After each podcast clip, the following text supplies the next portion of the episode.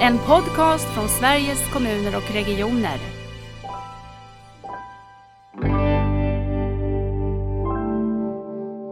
så att jag inte behöver göra hembesöket överhuvudtaget. Det är då vi har gjort den kanske bästa vården för patienten och då är det ett negativt, skulle det vara ett negativt ekonomiskt val för den vårdcentralen. Det, det, det, ska göras. För, för, innan också kan man ju säga, om man vänder på det, så fort man har en peng på någonting, man kan ju faktiskt välja bort det. Alltså det blir också lite tydligare att jag väljer att göra det, annars jag väljer att bort det. Jag vill, tar inte den ersättningen.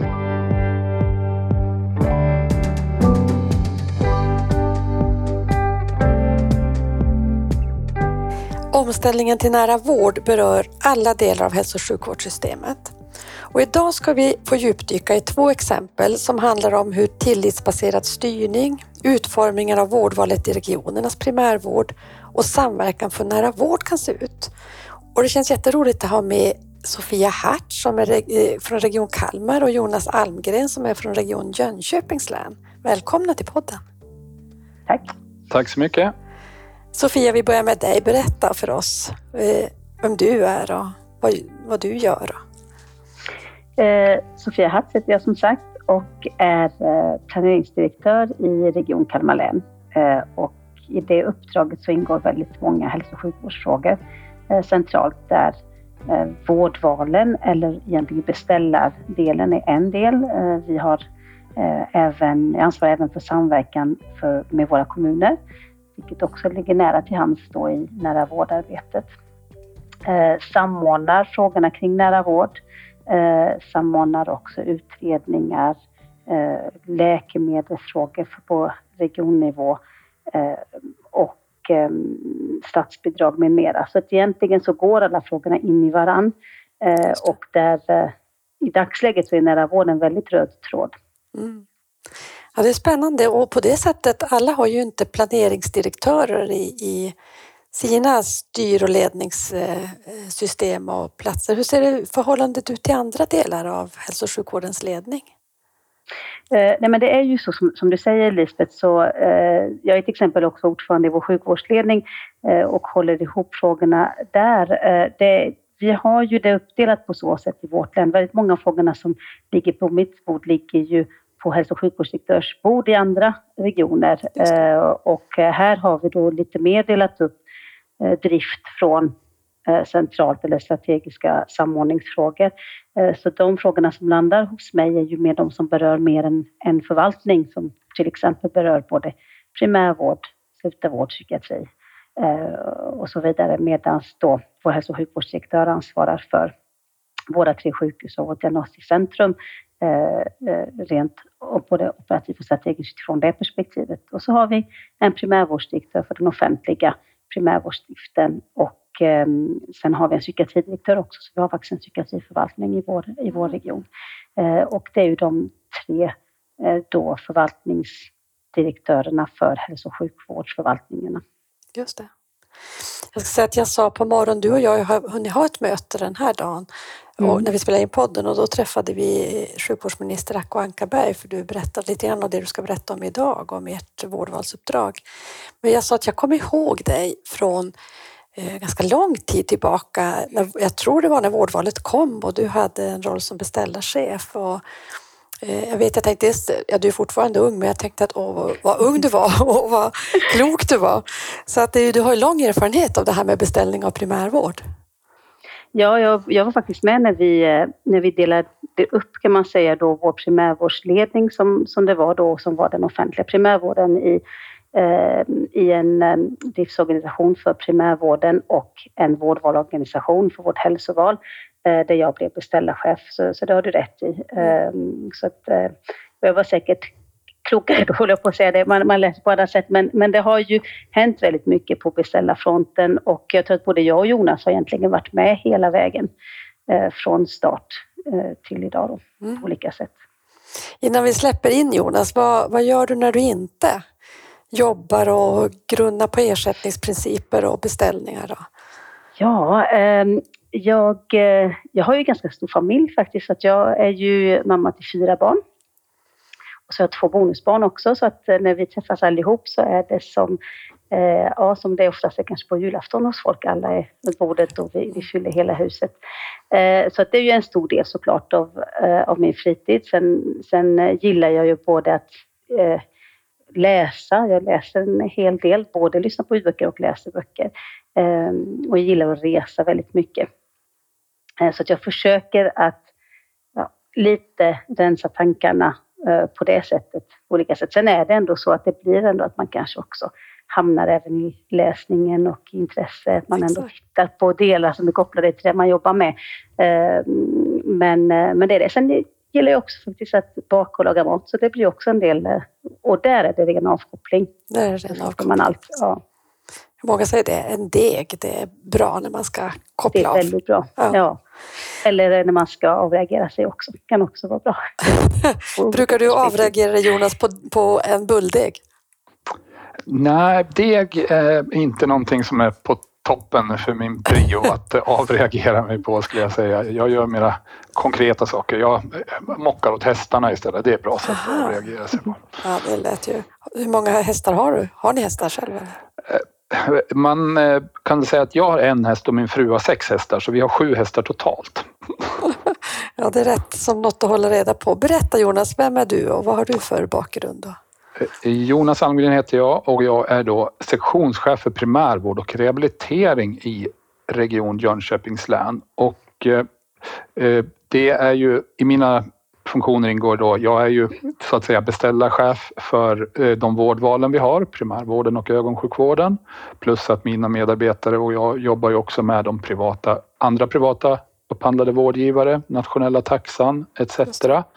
Samt att vi också jobbar mycket med eh, den här samverkan med kommunerna gör vi också. Eh, flera av mina medarbetare jobbar väldigt mycket med det och jag också. Eh, och, och de ämnena hör ju liksom ihop så som Sofia har sagt innan att ofta när vi ska hamna nära i vården så blir det ju liksom längst ut den öppenvården som är liksom det, det som invånarna ser först när de, när de har ett behov helt enkelt. Mm. Så det är eh, lite den rollen jag har. Men sätt också in eh, din roll i ert. Hur har ni organiserat er sjukvårdsledningsstruktur i Jönköpings län? Eh, vi har ju en ledningsorganisation där vi har en hälso och sjukvårdsdirektör som är min chef då.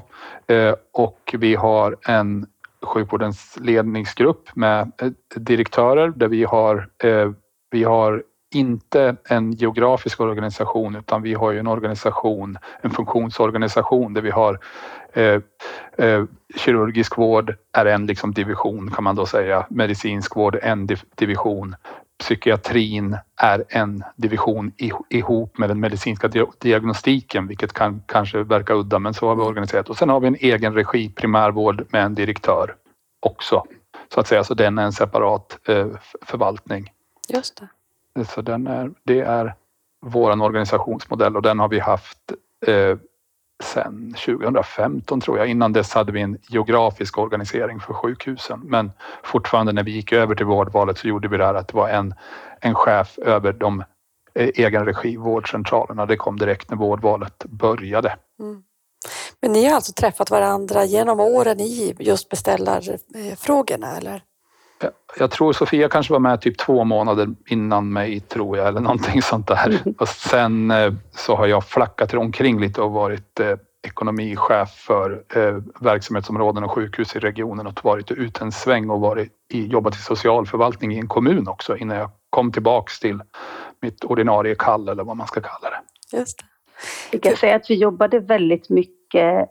I början så var ju vårdval nytt för hela Sverige och vi alla testade ju olika saker. Du nämnde i morse Lisbeth, till exempel Skåne var ju ett exempel många tittade på i början och, eh, och jämför, vi jämför oss med varann och, och bollade och, och, Jonas och jag, i och med att vi geografiskt ligger nära varann och mm. är inom samma också sjukvårdsregion eh, inom sydöstra, eh, så jobbade vi väldigt nära där Jonas och bollade mm. otroligt mycket med varandra. Så vi träffades även utanför vårdvalsnätverket. Eh, och eh, vi bildade ju egentligen ett nätverk på egen hand. Eh, ihop med östgötarna. Ihop med östgötarna. Ja, så så att det var... Och det har vi egentligen hållit fast vid, så det finns ju kvar. Eller har återupplivats ska vi säga på senare tid igen då. Mm. Ja, det är klart, det måste ju finnas ett stort lärande. Jag tänker när en sån reform kommer till där man har ett obligatoriskt vårdval och ska göra det på ett bra sätt. Det är klart att vi behöver lära. Och eh, jag tyckte mycket att eh, när du eh, Sofia presenterade det du nu ska berätta om hur ni jobbar i, i Region Kalmar med ert vårdvalsuppdrag så känner man lite momentum om att nu är vi också på väg in i ett nytt sätt att tänka kring vårdvalen, kopplingen till nära vård. Men innan dess, vad är er relation eller hur tänker ni kring, kring nära vård? Jag, jag tycker verkligen det här att hitta liksom Eh, vi har ju de olika perspektiven men mycket när vi behöver jobba med uppdraget och sånt det är ju att se den här att vi har en primärvård som har både kommun och region som huvudman. Den tror jag är någonting som är väldigt centralt och vi måste hela tiden tänka så. Eh, så att vi inte tänker att primärvården är vad vi kallar vårdcentral eller hälsocentral utan att det, det, det stora delen av den stora delen som utförs av kommunens hälso och sjukvård. Eh, utan den så är inte pusslet komplett. Så att liksom de här som står i centrum på bilden, de har olika personer som betalar deras lön eller skriver deras uppdrag men utifrån invånarnas perspektiv så får det inte vara någon skillnad. Jag tror det, den är väldigt viktig att ha med sig hela tiden. Mm. Verkligen. Vad tänker du Sofia? Nej, men jag håller helt med och, och jag tänker, när jag tänker nära vård så tänker jag faktiskt två olika perspektiv. Eh, det ena är ju väldigt nära det du nämnde, pratar om Jonas och det är ju det här med personcentrerat så att man tänker utifrån individen, utifrån patienten, utifrån anhöriga, utifrån den enskilde situation eh, och att vi inte bygger ren, alltså standardiserade processer som ska anpassas efter, som alla ska anpassas utefter utan tvärtom anpassa vårt arbetssätt utifrån behoven. Eh, det, det är på något sätt tycker jag det övergripande. Sen finns ju ändå också den andra parametern om att, som, är, som var egentligen ut, utgångsläget när man började prata nära vård, som är effektivisering av hälso och sjukvårdssystemet. Mm. Att vi är i ett läge där vi behöver se över hälso och sjukvårdssystemet, där vi inte kommer att kunna fortsätta att leverera samma vård till samma kvalitet eh, framöver om vi inte ändrar arbetssätt eftersom vi har den demografiska utmaningen som vi har. Eh, och jag tänker det, det jag tror att det, det, första är ju är det, det mjuka värdet som är väldigt viktigt att ha med sig, men man får inte glömma det andra, att vi, vi är i ett läge där vi faktiskt inte längre bara kan prata om det, utan måste göra förändringar. Eh, jag tror att, att i stort sett i hela landet så börjar man redan märka av det här behovet och den här behovet av förändring eh, när det gäller rekryteringssvårigheter och när det gäller eh, den ökande Eh, det ökande behovet i vår befolkning. Så att jag, jag, tror att det finns som sagt två perspektiv för mig när jag tänker nära vård som man behöver ha med sig. Mm. Det finns både, både ett starkt varför och eh, ett svar som också handlar om personcentreringen och samarbetet över gränser. Där tänker jag precis lika. Jonas, ni har ju hos, eh, hos er i Jönköpings län varit först ut med att egentligen göra det som både Anna Nergård föreslog i sin utredning och sen också Olivia Wixell i sin utredning om en eh, ny äldreomsorgslag och stärkt medicinsk kompetens, nämligen att tänka gemensam planering av primärvården tillsammans med kommunerna. Kan inte du säga någonting om det? Jo, det kan jag göra. Eh, jag tycker när vi gick in i det hela eh, så var det det var både lätt och svårt att ge sig på den saken för vi har ju som alla andra regioner har också ihop med de kommuner man samarbetar med så har vi ett antal överenskommelser som är basen för hur hanterar vi utskrivningsprocessen, hur ser vi till att det blir bra med eh, läkaransvaret på särskilda boenden etc. Det ser nog ungefär likadant ut på alla ställen.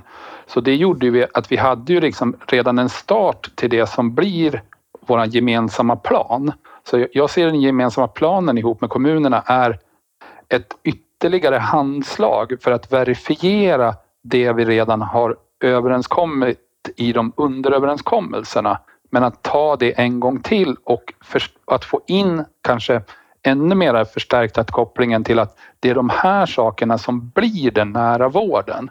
Så vi behövde ju liksom inte börja om och göra allting från början för vi hade väldigt mycket men att det, det, den gemensamma planen blev att koppla ihop det och att, att visa på just den här att kommun och region tillsammans. Eh, så den, den har varit att processa den i eh, regionen, koppla den till våra styrdokument och säga att ja, men vi måste förhålla oss till det här och att kommunerna har gjort ett jättebra jobb med att tagit hem den till sig själva och tänkt hur måste vi tänka då?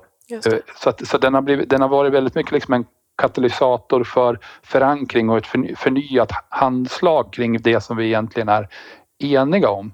Och den jobbar vi jättemycket vidare med just nu för att där det händer, det händer ju inte när man skriver dokument utan det händer ju ute i den praktiska verksamheten. Så vi håller på att fokusera mycket nu på att, eh, att primärvården, kommun och region tillsammans ska ut, ha liksom förstärkt lokal samverkan på nivån kommun. För det är där det händer. Det är ju där cheferna och medarbetarna cheferna, lokala cheferna måste kunna göra de lokala medarbetarna trygga i att mm. vi har samsyn kring uppdraget så det inte uppstår några skav.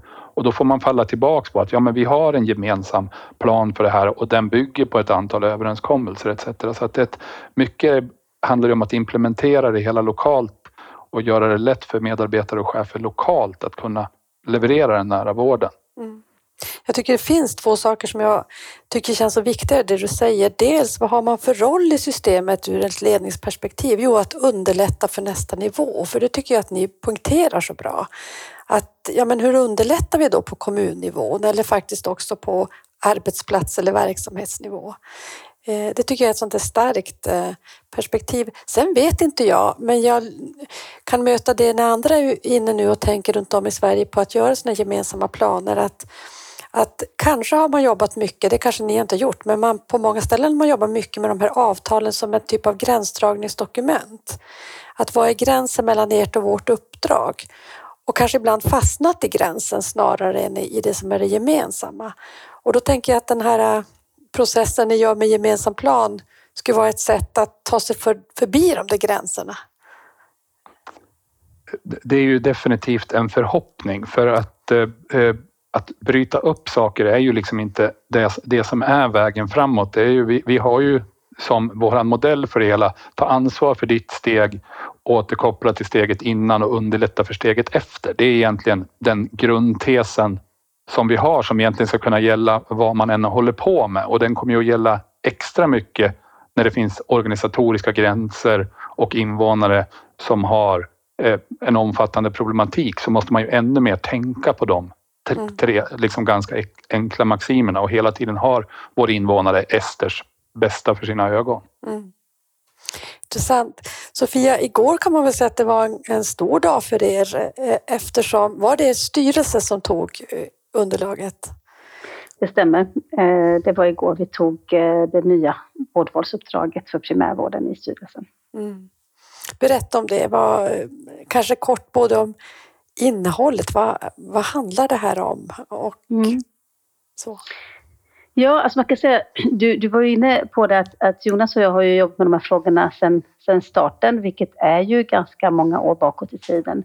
Och, eh, Eh, och då har vi ju haft ett uppdrag eh, i primärvården, ett förfrågningsunderlag som vi har lappat och lagat eh, allt eftersom eh, för att förstärka vissa delar, stimulera vissa andra delar extra, eh, trycka på vissa perspektiv, eh, förändrade lagar har påverkat och så vidare.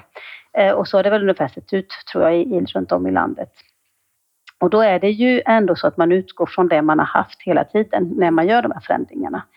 Eh, och då hade vi som ingång egentligen från början att säkra upp att vår ersättningsmodell inte eh, motverkade vår omställning till nära vård. Det var det som var, som var ingången i detta arbetet.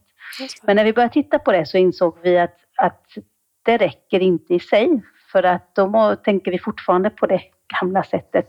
Eh, utan då tänkte vi att då gör vi så att vi, vi skrotar det gamla vårdvalsuppdraget och tänker hur hade vi skrivit ett primärvårdsuppdrag idag mm. eh, om, det hade varit, om vi hade varit 2009 idag då, om, det, om hälsovals eller vårdvalsreformen kom idag. Hur hade det i så fall sett ut utifrån den eh, utmaningen vi står inför när det gäller omställningen till nära vård? Eh, och ehm, och jag kan säga att det, det var inte helt lätt. Eh, för att, eh, och inte minst för oss som jobbar med frågorna. För att det blir ju lite att... Ja, eh, ja, men det är något man har byggt under alla år och som man känner sig ganska trygg med. Och att då tänka bort det och tänka om är ju en utmaning. Men, men, men det bestämde vi oss för i alla fall. Då. Så, det, så det, det, har vi gjort och det är det som vi på något sätt landade i igår.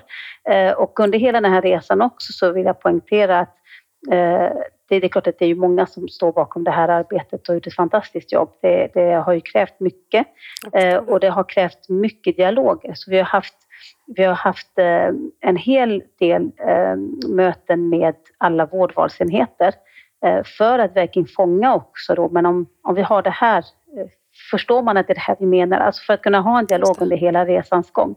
Vi har också haft dialog med eh, invånare Aha. För att se, tänker vi rätt eh, i detta? Så vi har haft invånarpaneler och diskussioner så, eh, med både invånare som har mindre eh, kontakt med vården och som har mer kontakt med vården. Och vi har då också haft samordnaren för nära vård i arbetet med oss i detta och även då tittat och också, vi har också valt att inte titta på ersättningsmodellen förrän vi var helt klara med uppdraget. För att annars har det varit så att när man, när man har tittat från år till år och sett över uppdragen, då tittar man ju på båda parallellt. Det blir ju så. Eh, men i det här fallet så kände vi att det är ju uppdraget vi vill få till och sen måste vi ha en ersättningsmodell som stödjer det. Mm. Eh, och, ehm, och, det är det som vi hoppas då att vi har, vi har landat i eh, igår. Mm. Jag vet att jag pratade med dig, eller det var väl när vi träffade Sofia på Vårdvalsnätverket Jonas, som du sa att då hade ni inte riktigt kommit till hur det här kommer att tas emot just med ersättningsfrågorna. Hur har det tagits emot? Var det svårt med ersättningen på det där sen? Alltså att sätta det var ju både svårt och lätt skulle jag säga. Eh, det var, det var svårt för att det, vi, gick ju från en modell med ganska många parametrar.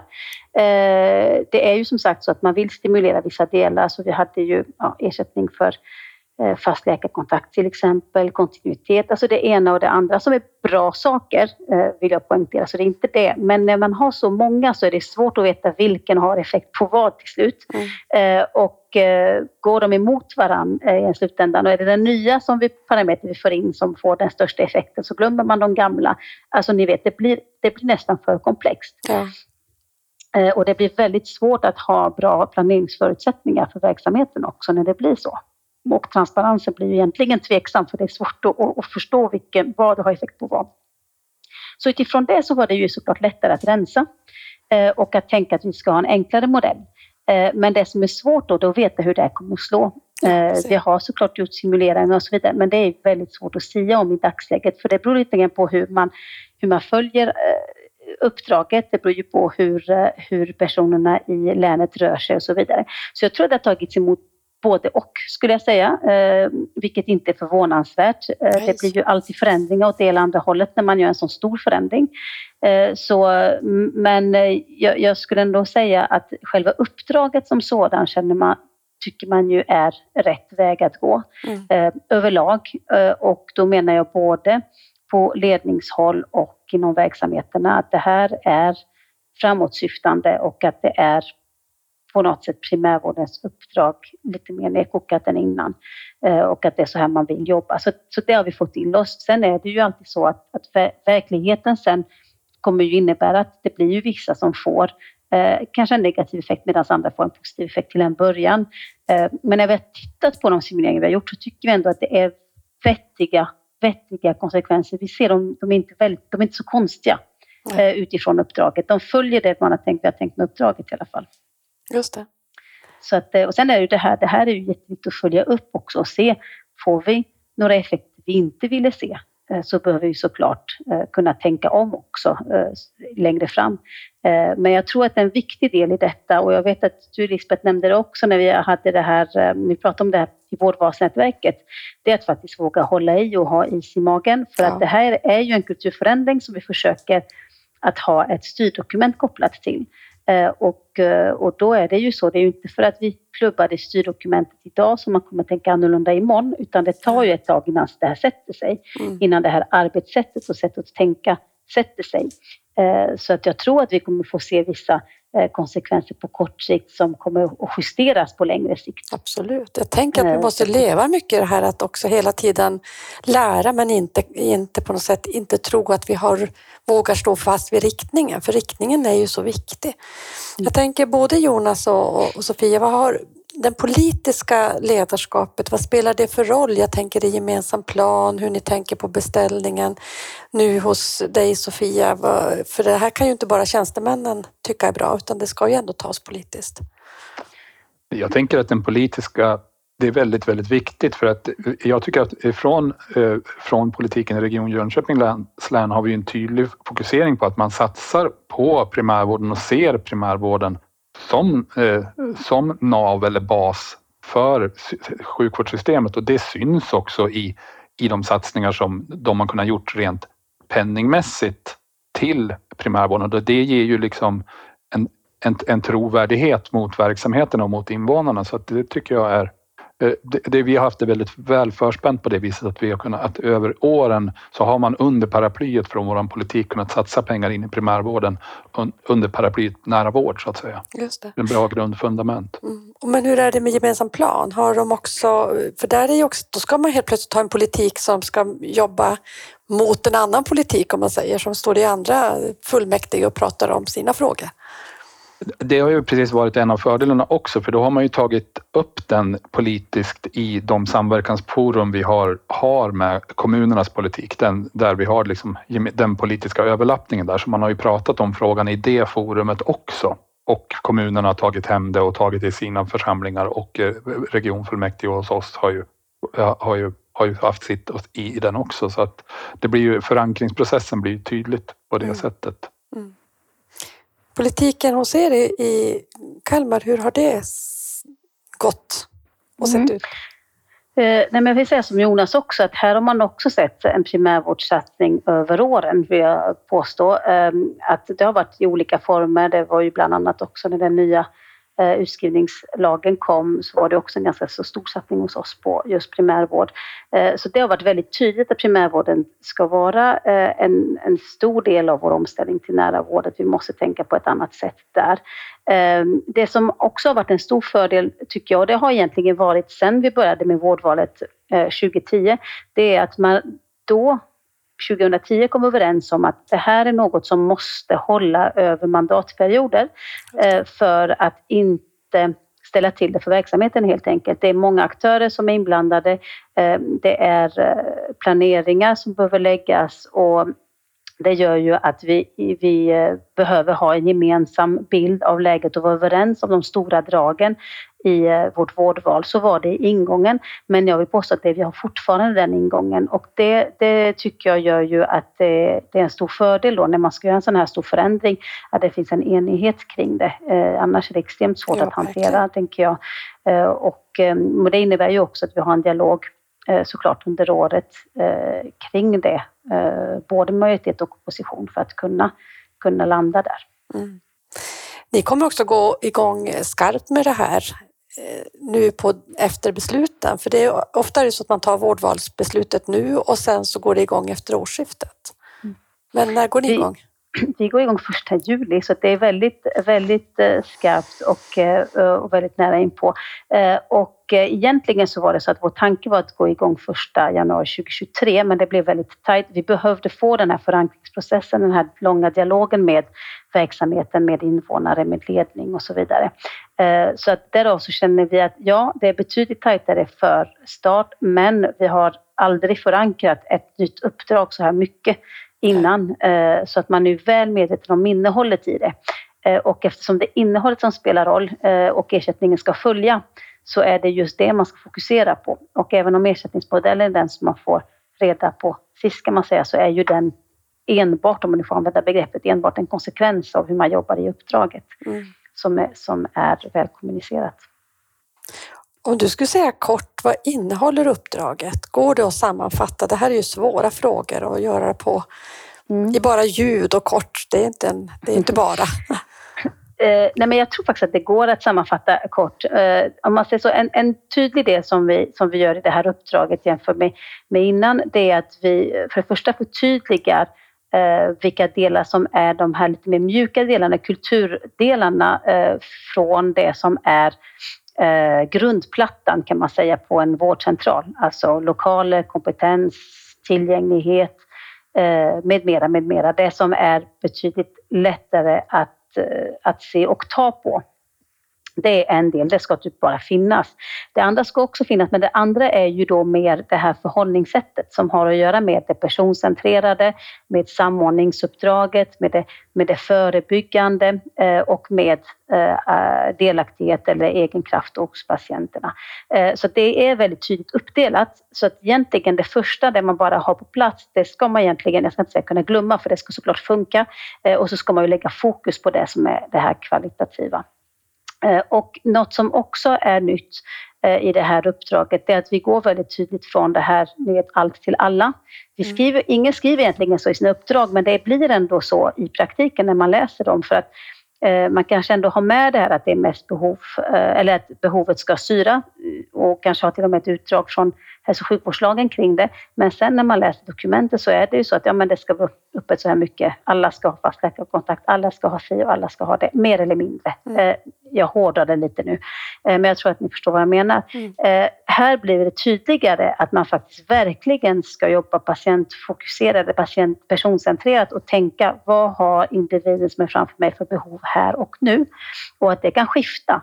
Eh, och vi vågar, eller vågar ska jag säga, men för en gång också så är, går vi lite hårdare eller tydligare i prioriteringsfrågan.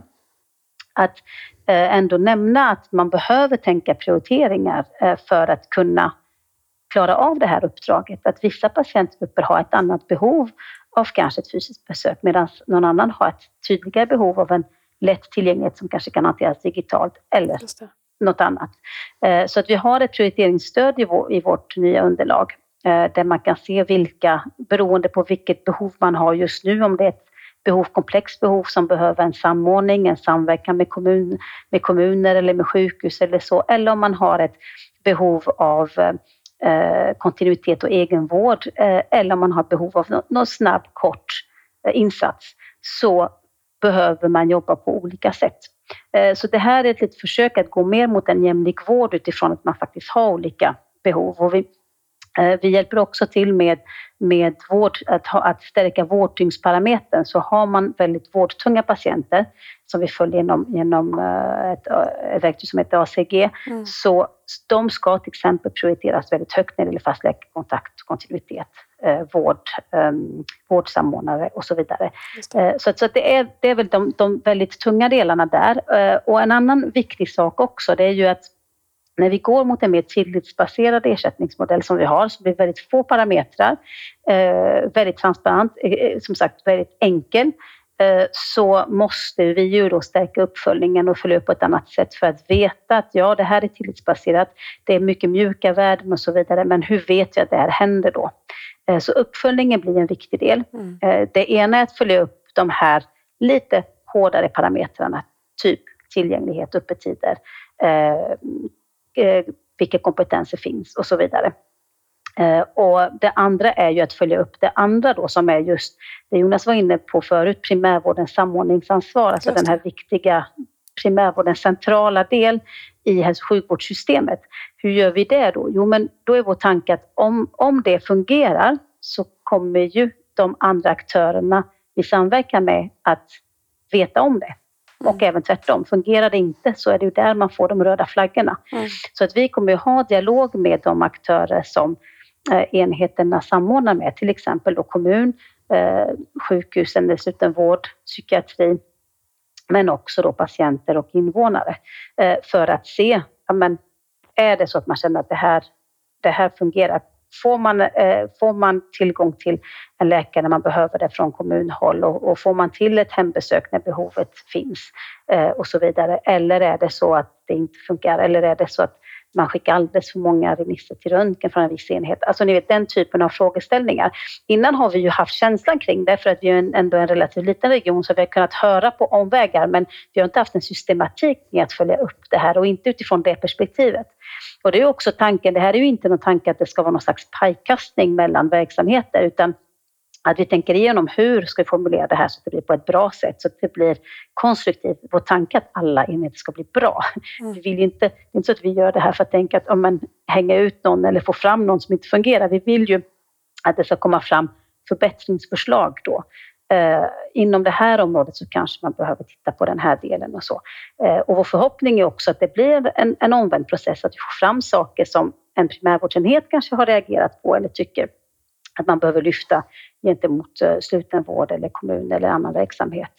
Eh, så det är ungefär så, om man ska titta på det eh, kort så tror jag att det är så man skulle kunna sammanfatta det nya uppdraget.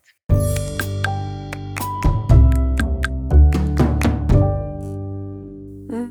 Ja, det är jättespännande. Vad är dina reflektioner och vad drar du för paralleller och likheter Jonas?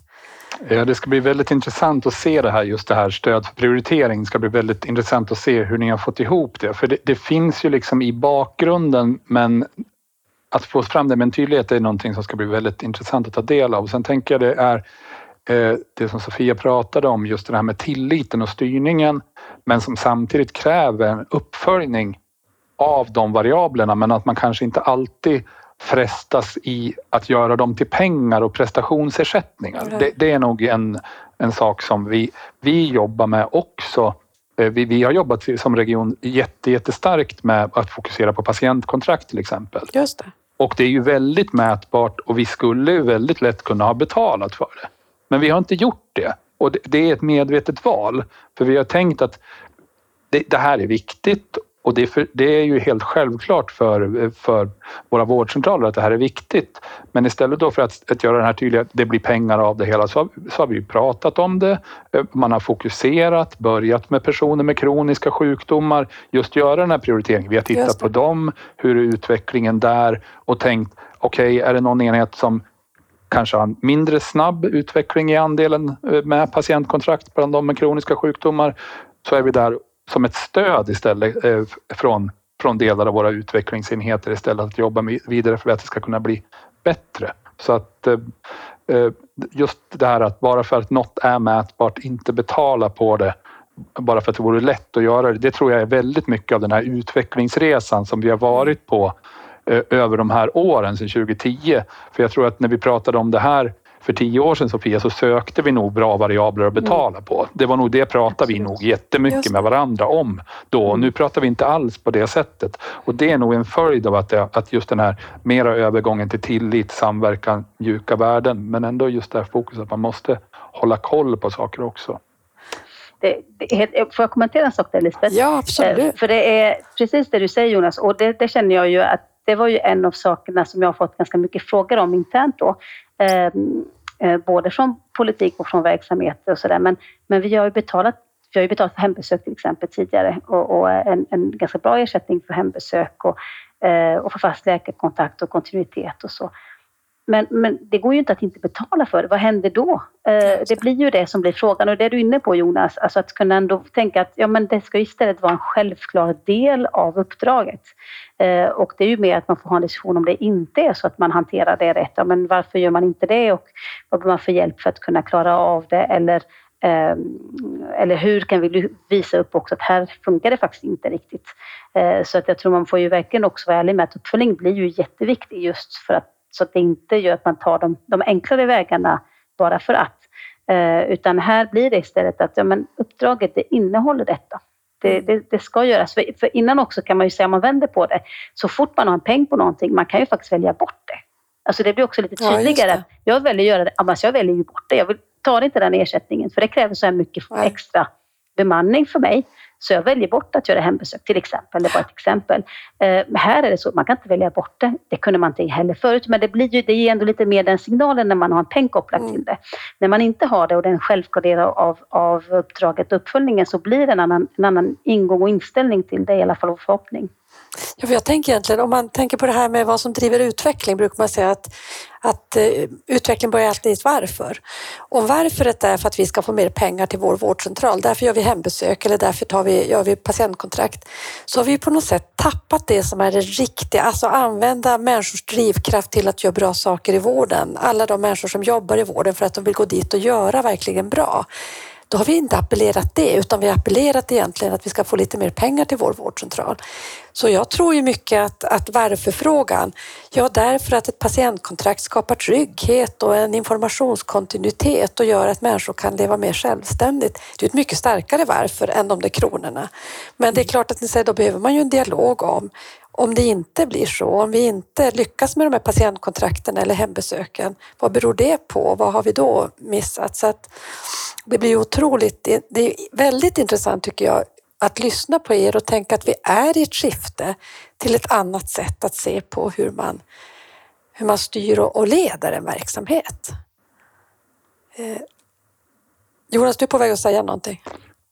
Och jag, jag tänker på det, vi, vi, vi, vi är nära också för ska vi tänka samverkan med kommunerna till, till exempel om man säger så, så måste vi vara väldigt öppna i det hela och om då lösningar är väldigt prissatta på en del eller andra stället så kommer det också försvåra våran samverkan. Mm. Om att det är bättre att vi gör den här själva, det här hembesöket för att då får vi bra betalt till exempel än att Nej, men kanske om jag stöttar distriktssköterskan i kommunen så att jag inte behöver göra hembesöket överhuvudtaget. Det är då vi har gjort den kanske bästa vården för patienten och då är det ett negativt, skulle det vara ett negativt ekonomiskt val för den vårdcentralen som avstod det här läkarbesöket som ju lätt hade kunnat kanske gått och liksom motiveras som medicinskt betingat etc.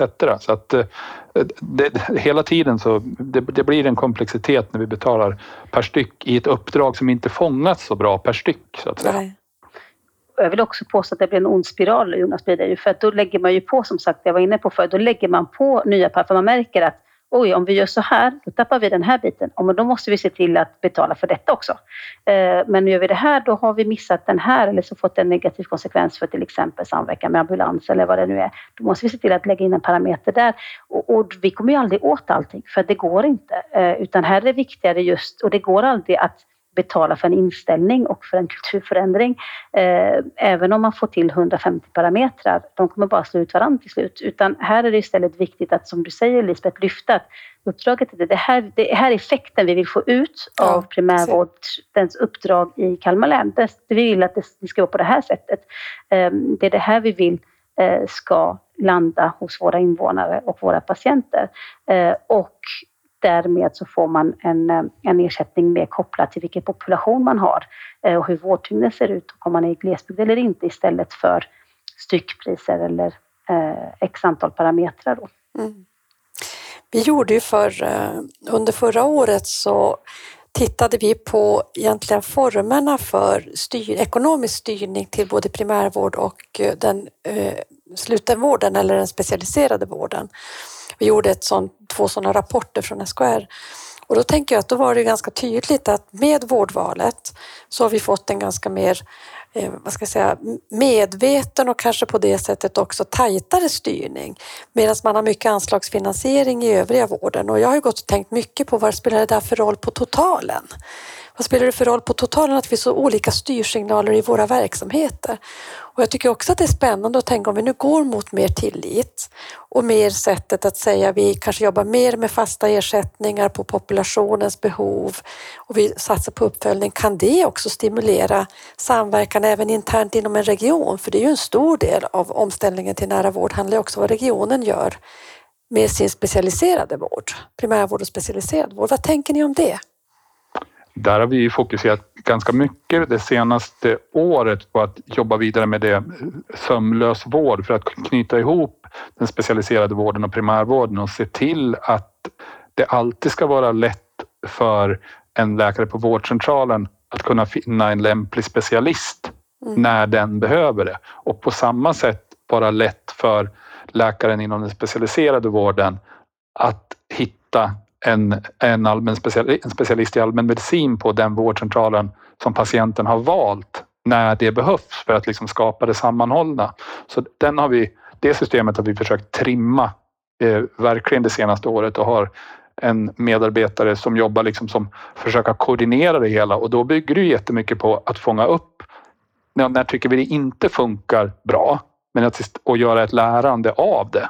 Att, eh, jaha, var den här Eh, skulle primärvården ha gjort lite mer med den här patienten innan den kom till specialiserad vård eller släppte specialiserad vård den lite för lite outredd men att då liksom ta tillvara de sakerna och hitta en utveckling på det. Sofia, vad tänker, vad tänker du om det här med specialiserad vård och eh, primärvårdens sam, samarbete och Ja, men jag, jag tror att, att eh, det, det, är helt rätt det Jonas säger och jag tror att det du var inne på Lisbeth är väldigt viktigt. För har vi haft, som du säger, något som har varit finansierat på ett annat sätt och sen så har man den anslagsfinansierade delen, eh, så är det ju ändå det är ju ganska naturligt att tänka att ja, men fokus blir väldigt mycket att se hur ska vi maximera vår ersättning. Det blir en ganska naturlig följd av den typen av system.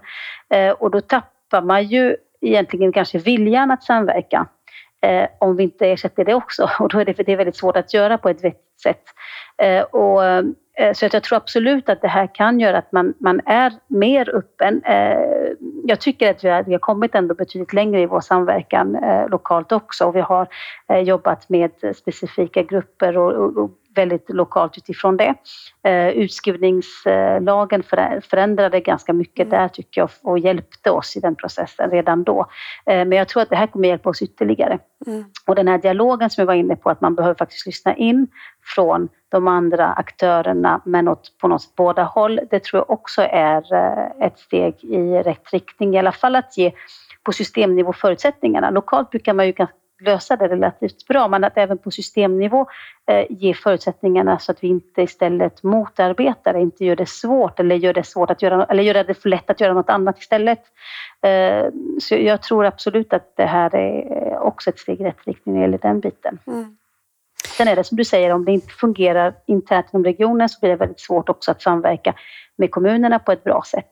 Eh, vi måste ju på något sätt se till att vi har tydliga processer, att vi, vi vet om varandra, att eh, man gör det här du var inne på innan Jonas, att tänka till när man lämnar över och, och när man, man släpper en, en, patient och så vidare. Och har man inte gjort det så, det, så det är ännu svårare att då samverka med externa aktörer. Mm. Ja, de här, det, det, här är verkligen frågor som jag känner engagerar många. Och det finns också ganska mycket uppfattningar om att just ersättningsmodellen är det som försvårar omställningen. Så jag tror att det kommer att vara eh, mycket mycket stort intresse kring att vi nu går mot en mer tillitsbaserad modell och mycket vi behöver lära i det.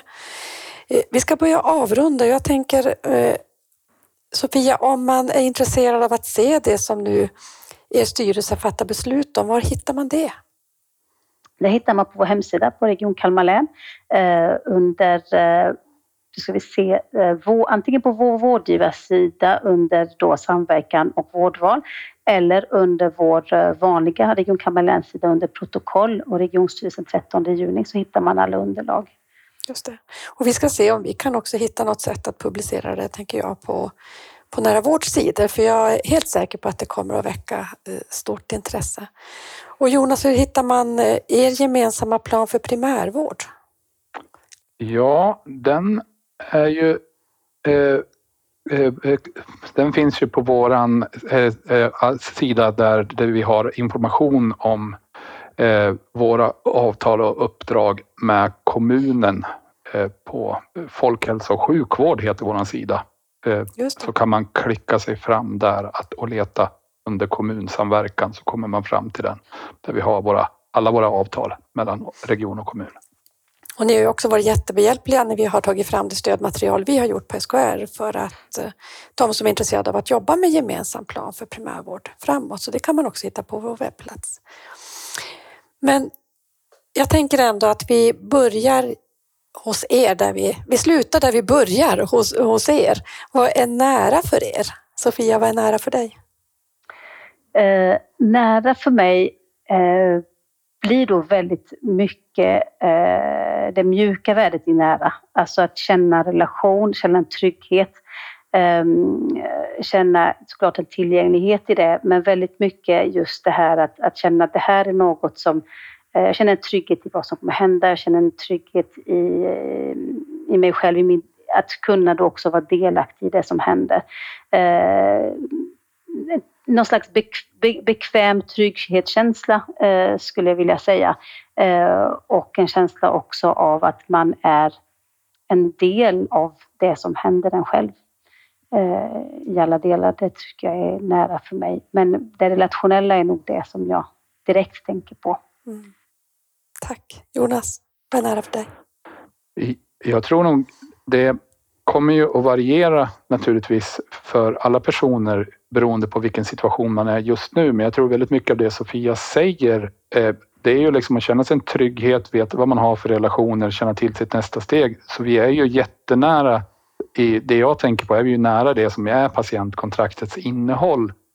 Och ett, det är ju någonting som utformas efter varje individ när ut med individen som medskapare och där, där vården ser varje invånare på det sättet så tror jag det är, det är så man fixar nära. Det är inte, nära mäts inte i kilometrar utan i, i, i, en, i en förtroendekänsla snarare skulle jag säga.